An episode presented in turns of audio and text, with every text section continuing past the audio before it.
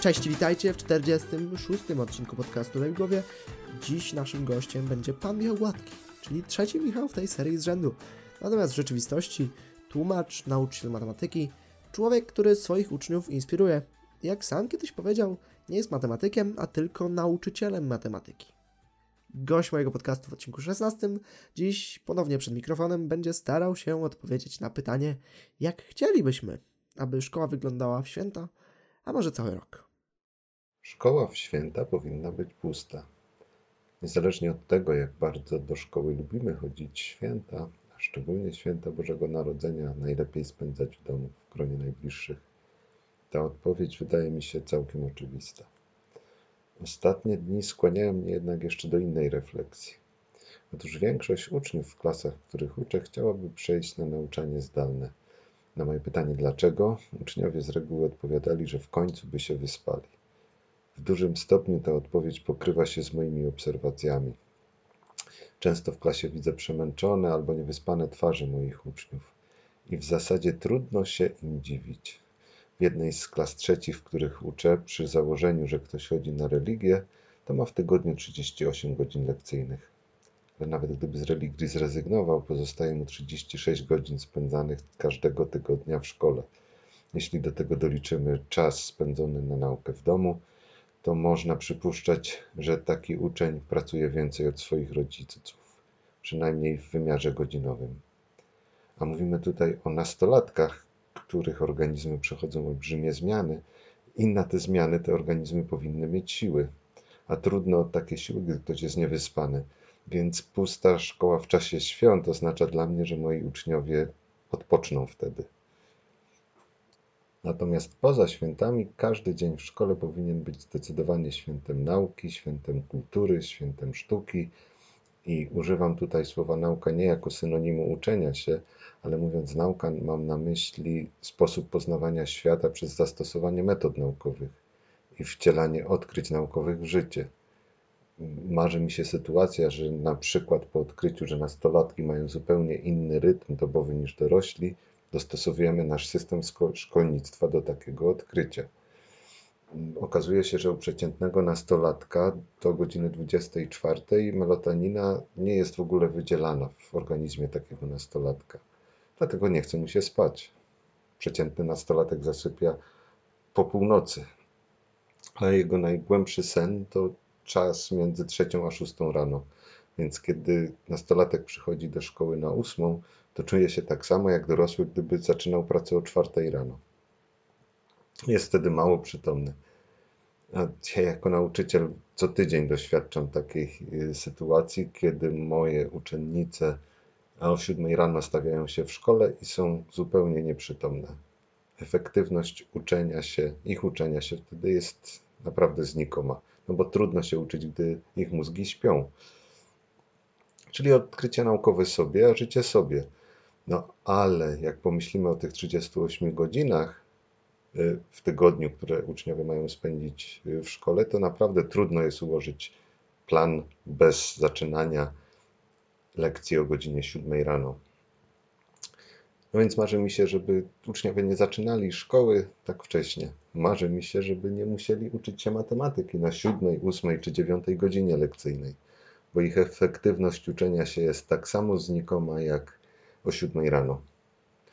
Marzy mi się sytuacja, że decydenci usłyszą w końcu apele nauczycieli o zredukowanie zagadnień znajdujących się w podstawie programowej tak żeby uczniowie w, szkoli, w szkole mogli eksperymentować, żeby nauczyli się tańczyć, żeby przynajmniej raz podczas całego cyklu edukacji zagrali w przedstawieniu, żeby mogli podążać za swoimi pasjami, niezależnie czy to jest sztuka, nauka, kultura, żeby nie spędzali tyle czasu na bezmyślnym wkuwaniu encyklopedycznej wiedzy. Ja wiem, że takie szkoły już istnieją, no niestety to są szkoły poza państwowym systemem oświaty. Miałem kiedyś przyjemność gościć absolwenta szkoły waldorskiej z Luksemburga. Spędził u mnie kilka dni, no i w czasie tego pobytu zadawał mi bardzo szczegółowe pytanie dotyczące najnowszej historii Polski. I poznał tę historię nie dlatego, że ktoś uszczęśliwił go przedmiotem historia i teraźniejszość, ale dlatego, że w swojej szkole realizował projekt dotyczący przemian w, w obozie komunistycznym w latach 80. i 90. ubiegłego wieku. Ten temat tak go zainteresował, że od tego czasu każde wakacje spędza w którymś z krajów dawnego bloku wschodniego. Nikolas, bo tak y, na imię miał mój gość, obecnie jest y, studentem, studiuje we Wiedniu. I powiedział mi jeszcze jedną ciekawą rzecz. Otóż ilekroć wraca do Luksemburga, zawsze idzie odwiedzić swoją szkołę, bo jak mówi, szkoła była jego drugim domem. Więc o tym też może powinienem zamarzyć, żeby w święta szkoła nie była jednak pusta, bo byłaby naszym drugim domem. Wracając jednakże do realiów, może nie tak składnych i ambitnych jak wypowiedź pana Michała, jednoznacznie też mu dziękując, y, bo jest to jedyna osoba, która mogłaby zacząć swoją wypowiedź od wypowiedzenia zdania szkoła w święta powinna być pusta, a kończąc, że jednak nie powinna być pusta. I przez te 5 minut, jeśli ta wypowiedź was nie przekonała, to cofnijcie się, przesłuchajcie tego jeszcze raz, zamiast słuchać mojego biadolenia. No, jest tu kilka rzeczy, do których na pewno się odniosę kilka teraźniejszych rzeczy, tak jak innymi przedmiot, który ma obowiązywać już w 2022 roku, a jego nazwa brzmi Historia i teraźniejszość.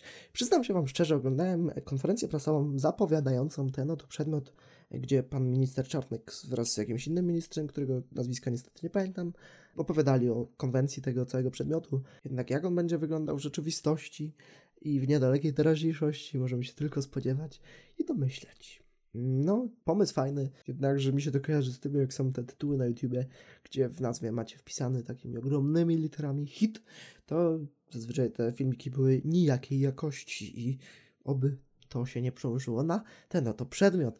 Wychodząc jednak od tej teraźniejszości, która będzie spoczywała na ramionach uczniów w najbliższych latach, chciałbym opowiedzieć o tej teraźniejszości, która dała, działa się jeszcze niedawno, na temat dzieła naszego wieszcza narodowego, jakim był Adam Mickiewicz. E, jego dzieła pod tytułem Dziady, wystawianego na teatrze, na deskach teatru Juliusza Słowackiego w Krakowie. I nie wzbudziłoby to żadnych kontrowersji, gdyby nie pani Barbara Nowak i gdyby nie główna aktorka, która wcieliła się według tamtej inscenizacji e, w główną postać Konrada. Więc tak, cała kontrowersja opiewa o to, że w główną postać Konrada wcieliła się kobieta.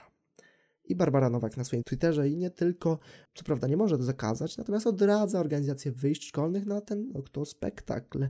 Twierdzi, że jest to upolitycznianie pewnego sporu politycznego, który dzieje się gdzieś od y, lat w powietrzu i nie powinno być takie przekształcanie takich tradycji narodowych wręcz już.